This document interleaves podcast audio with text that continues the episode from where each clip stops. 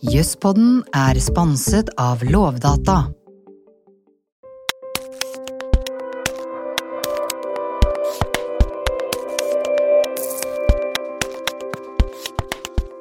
Hvilke saker bør vi følge med på til høsten? Merete Smith og Sindre Granli Meldalen skal gi oss et sniktitt inn i noen av temaene som blir spennende denne høsten. Velkommen til dere to. Tusen takk. takk. Ja, Merete, hva, hva vil du trekke frem som, som en sak som du venter, venter i spenning på? Jeg tenker to saker, to litt ulike saker. Det ene gjelder avhør av barn som er mistenkt i straffesaker. For vi har jo i dag en veldig fin ordning når barn er eh, fornærmet eller offer da, i, en, eh, i en straffesak.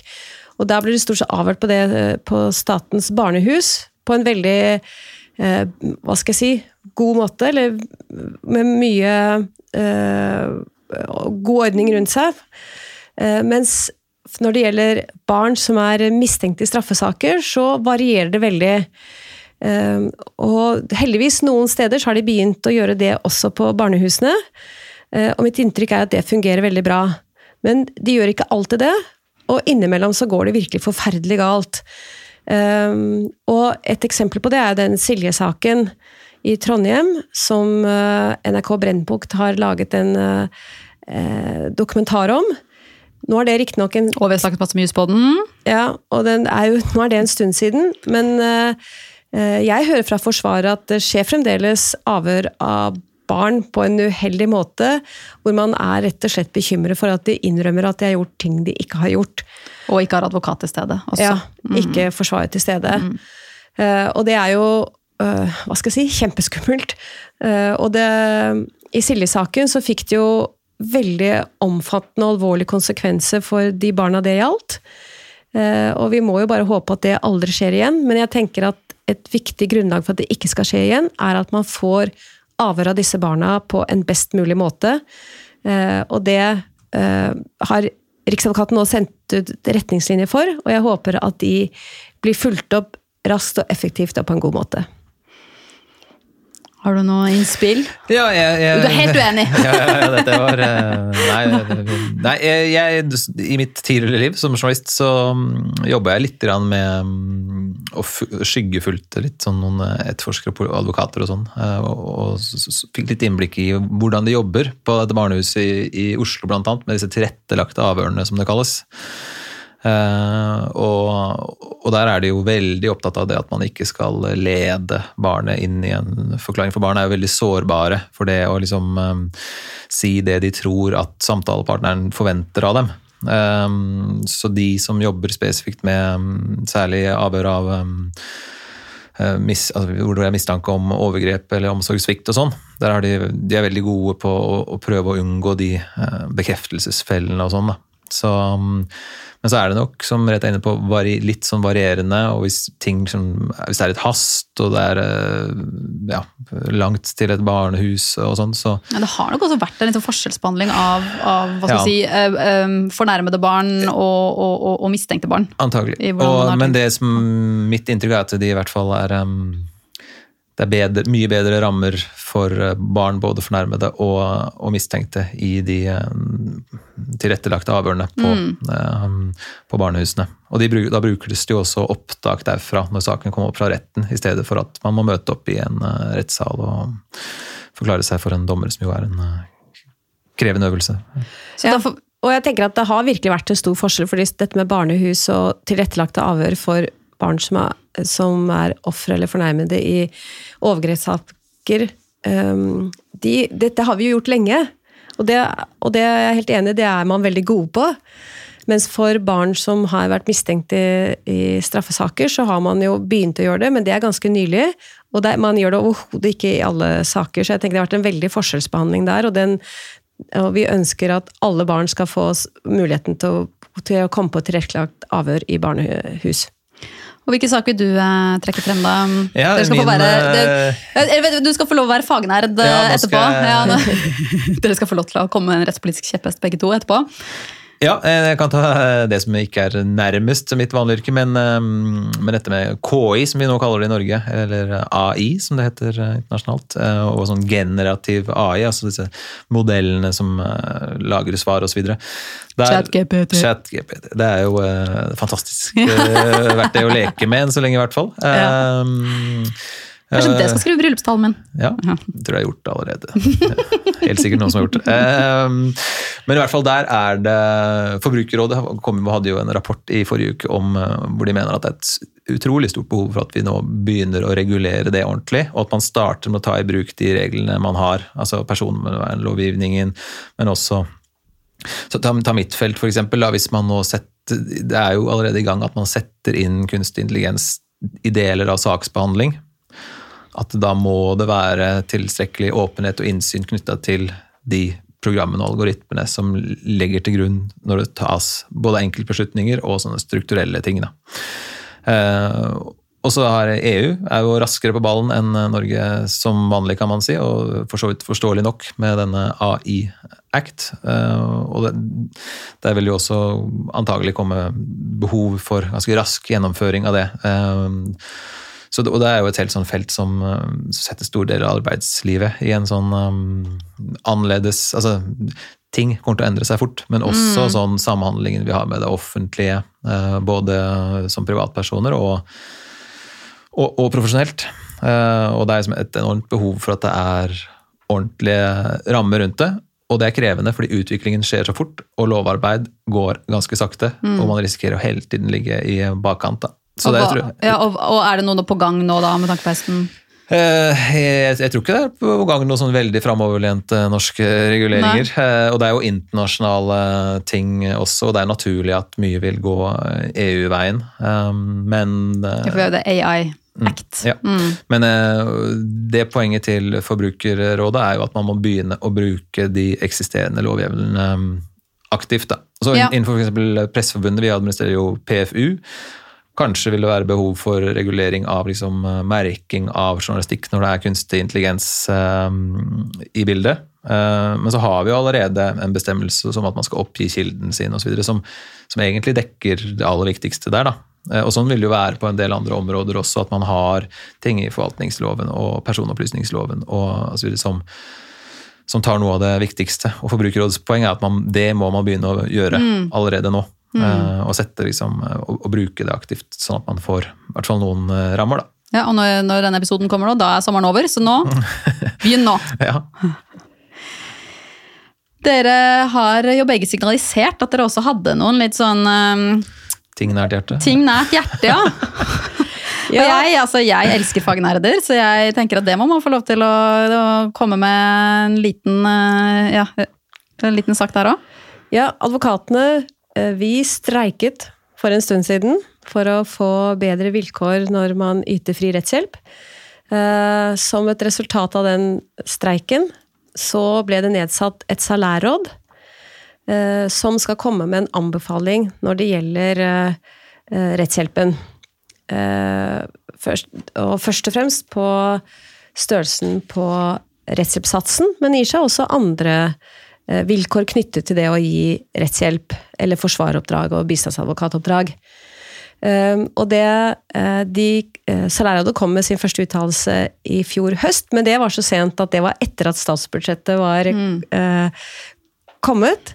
Så i høst så blir det jo første gang statsbudsjettet kommer etter at de har fått at Salærrådet virker sånn som det skal.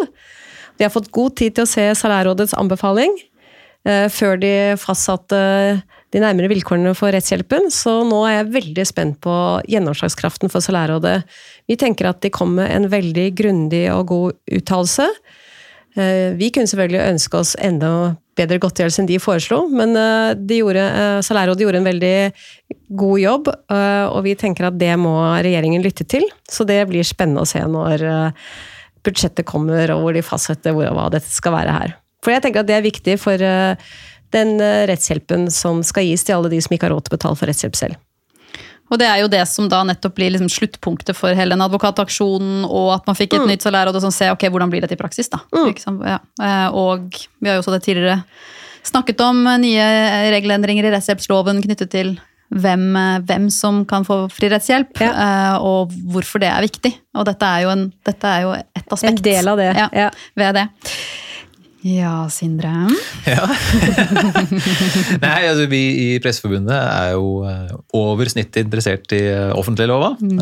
Og, og både liksom selve det materielle innholdet og praktiseringen av den. Um, og det vi er mest opptatt av nå, er jo et forslag som kom rett før eh, påske, om eh, endringer i eh, bestemmelsen om interne dokumenter, altså forvaltningens egne eh, dokumenter, da. Som, eh, som det jo er et eh, unntak for, men det kan gis innsyn i, og så skal det vurderes mer innsyn. Eh, det forslaget som foreligger, høres jo veldig sånn teknisk eh, ut, og er det for så vidt også, men det kan ha store ringvirkninger. Og, forslaget er at eh, for det første å ta inn i bestemmelsen at, at, er, at man ikke må journalføre disse dokumentene. For det er jo I dag så har vi jo postlister, altså alle kommunene og departementene, og man har e-innsyn. Hvor det framgår um, alle dokumentene som sendes inn og ut av, um, av organet. Og så er det en del interne dokumenter som også journalføres, hvis, uh, og det er en bestemmelse i arkivforskriften som regulerer det. Superviktig at den journalføringen er så god som mulig, sånn at journalister og alle fra altså allmennheten, advokater osv. også uh, skal ha mulighet til å gå inn der og følge med på saksbehandlingen, f.eks. i en sak som de er interessert i, eller bare følge med på hva disse organene driver med. Sånn det driver alle lokalavisene i Norge med. Um, det som er det som vi mener er veldig alvorlig med det forslaget, er at um, i dag så er postlistene ofte mangelfulle. Det er en del dokumenter som uh, ikke er der. Og da eh, rådgir vi eh, i Presseforbundet ofte journalister til ja, men be om en liste over alle dokumentene i saken. Ofte så framgår de rett ut av arkivsystemene at man har sånn, sånn saksliste. eller sånn eh, og da kan man eh, bestille innsyn i de eh, dokumentene man er interessert i. F.eks. Avisa Oslo de har skrevet om en eh, utleie av en bygård. Eller en som drev med sånn utleie av sånn kommunale boliger, som har drevet masse ulovlige forhold. Der fikk de det saksomslaget med alle listene. Fant de en internrevisjonsrapport fra 2018 som aldri var omtalt tidligere. Som da ble egentlig det viktigste dokumentet i den store granskingen deres. Og Det fant de fordi den lå på den lista. Ikke for da får man da, oh ja, der er det jo det, er jo et dokument som er relevant, Yes. som kan gjøre at vi kan drive Ja. en form for kontroll med Og det er internt, og det er ikke sikkert vi får det, men vi prøver. Vi ber om innsyn. Men i det forslaget som foreligger nå, så eh, har regjeringen foreslått at interne dokumenter kan fjernes helt fra de listene, og at man også ikke trenger å oppgi hvor mange dokumenter det totalt er i saken. Eh, og at du da, når du da får en liste, så kan kommunen fjerne.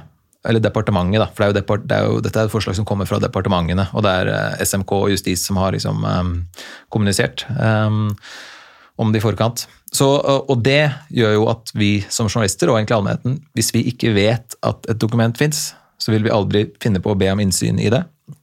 Og vi vil aldri få en reell klagebehandling. Så sier så har justisministeren svart til Stortinget at jo, men vi skal jo, hvis dere ber om alle dokumentene, så skal vi vurdere mer innsyn i alle.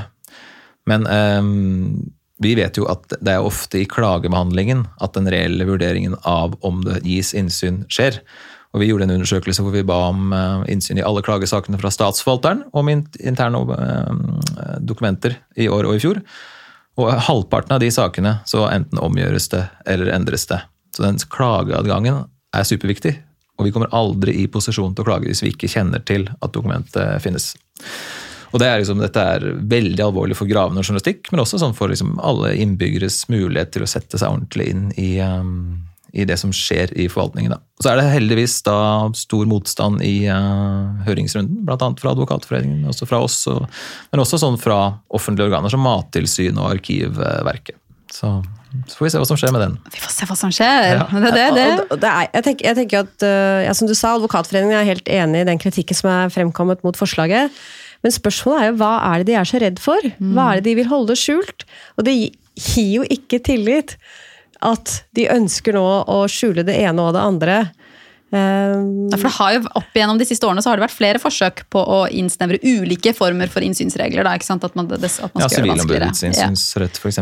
Ja, mm. det, som ble reversert. Men mm. det, er, eh, disse, det har jo vært mange saker i offentligheten i det siste så, som, som har vist hvor viktig det er med innsyn og, og muligheter for kontroll med, med offentlig virksomhet. Jeg kan jo nevne selv eh, at noe jeg ser frem til eh, at blir avklart, det er jo Fosen-saken og oppfølgingen av den. Eh, Nå har vi også hatt Sannhets- og forsoningskommisjonens rapport, sant, som virkelig viser eh, Konsekvensene av fornorskningspolitikken. ja, og, øh, men også da Når man da putter Fosen-saken litt inn, i konteksten til opplevelsene som har vært gjennom så lang tid, da, sant? så blir det litt sånn Da skjønner man jo plutselig også reak virkelig liksom reaksjonene på en annen måte. Eh, hvordan det oppleves når ikke, når, når at høyesterettsdommen ikke det ikke skjer noe etterpå. Da. Eh, og eh, jeg syns også det blir interessant å, å se om det blir noe mer diskusjoner om beslutningsprosessene eh, og, og, mulig, og hvordan eh, Hva skal jeg si ja, F.eks. reindrift eller den typen interesser blir hensyntatt. For det er jo mange andre saker enn Fosen-saken som, som det, er, det er ting som skjer, og ting som er på trappene. Enig. Ja. Og den siste, som er mer sånn jussisk, da, for min del også. Jeg er jo en sånn jusspotet som er innom veldig mye forskjellig, men, eh, men nå i, altså, i juni så, så, høy, så har det vært to saker i Høyesterett om utilregnelighetsreglene. Og det har det vært flere som har vært her og snakket om tidligere, at det er vanskelige regler som blir vriene og, si, praktisere og håndheve, og det er veldig viktig for eh, rettssikkerheten at man har tydelige, tydelige regler eh, der. For er man utilregnelig, så skal man ikke straffes.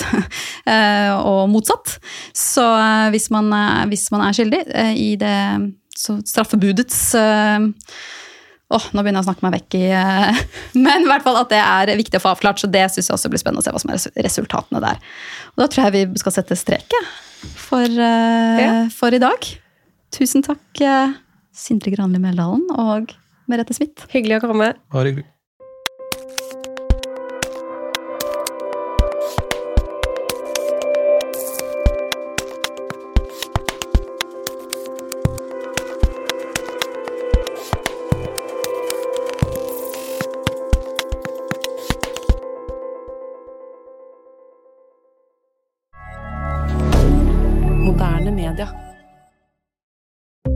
Jøsspodden er sponset av Lovdata.